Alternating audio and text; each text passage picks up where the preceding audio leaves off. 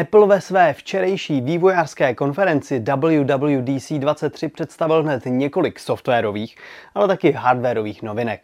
V tomhle speciálním dílu M-News si nejzajímavější novinky projdeme. Tak pojďme na to. No a přeskočme rovnou k tomu nejvíc zrušujícímu. Úniky nelhaly a Apple skutečně vstupuje do vod rozšířené a virtuální reality. Jeho odpovědí jsou brýle Apple Vision Pro. Nejde přitom o nějaké příslušenství k telefonu, ale o samostatné a svébytné zařízení. Nasadíte si brýle a můžete pracovat s virtuálními okny, která se budou vznášet přímo před vámi. Kdekoliv si tak rozložíte velkou pracovní stanici nebo třeba pustíte film. Stále jste však v plném kontaktu se svým okolím. Samozřejmě se taky můžete plně ponořit do virtuální reality a třeba si zahrát hru nebo pustit relaxační aplikaci. Jak brýle ovládat? Zapomeňte na běžné ovladače v rukou. Apple vsází na rozpoznávání gest rukou, diktování hlasem a taky sledování očí, kterými třeba můžete vybírat položky v menu.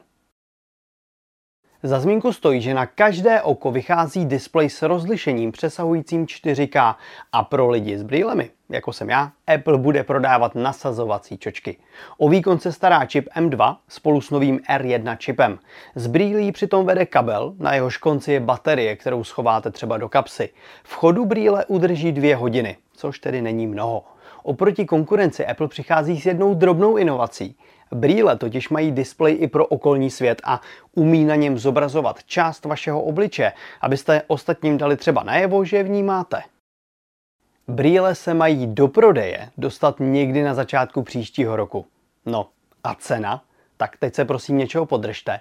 3,5 tisíce amerických dolarů v přepočtu znamená necelých 100 tisíc korun. Tohle prostě nebude pro každého.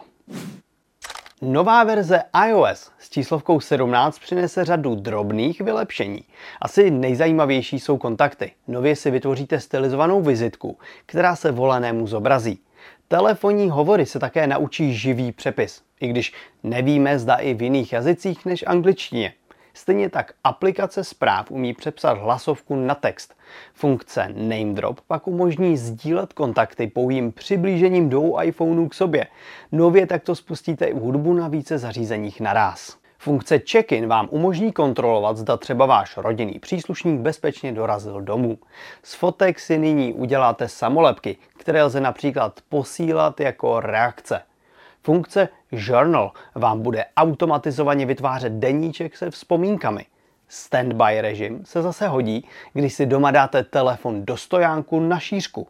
Může totiž zobrazovat hodiny, kalendář nebo třeba hudební přehrávač.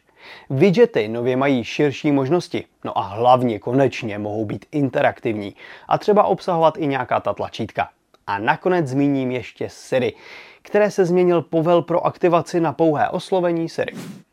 Apple rovněž představil očekávaný MacBook Air s 15,3 palcovým displejem.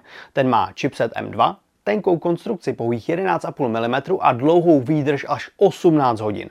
To vše s váhou na hranici 1,5 kg. Konektorová výbava je pak spíše skromná. Najdete tu MagSafe, dvojici Thunderbolt 4 konektorů i 3,5 mm jack. V těle zařízení nenajdete průduchy na větráčky, ale za to hned 6 repráků. Základní konfigurace má 8-jádrovou grafiku, 256 GB SSD a vyjde vás na 38 000 korun. 10-jádrová grafika a půlterové úložiště vás vyjde na 44 000. Notebook bude v prodeji již 13. června.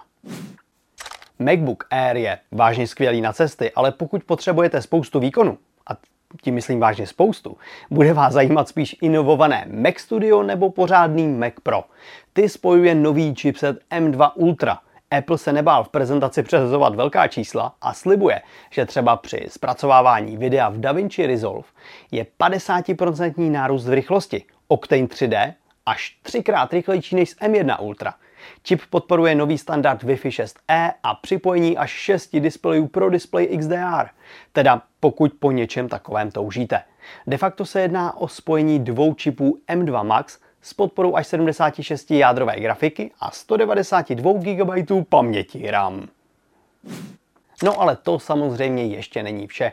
Pokud vás zajímá, co všechno si Apple přichystal a představil, už nyní běžte na mobilenet.cz.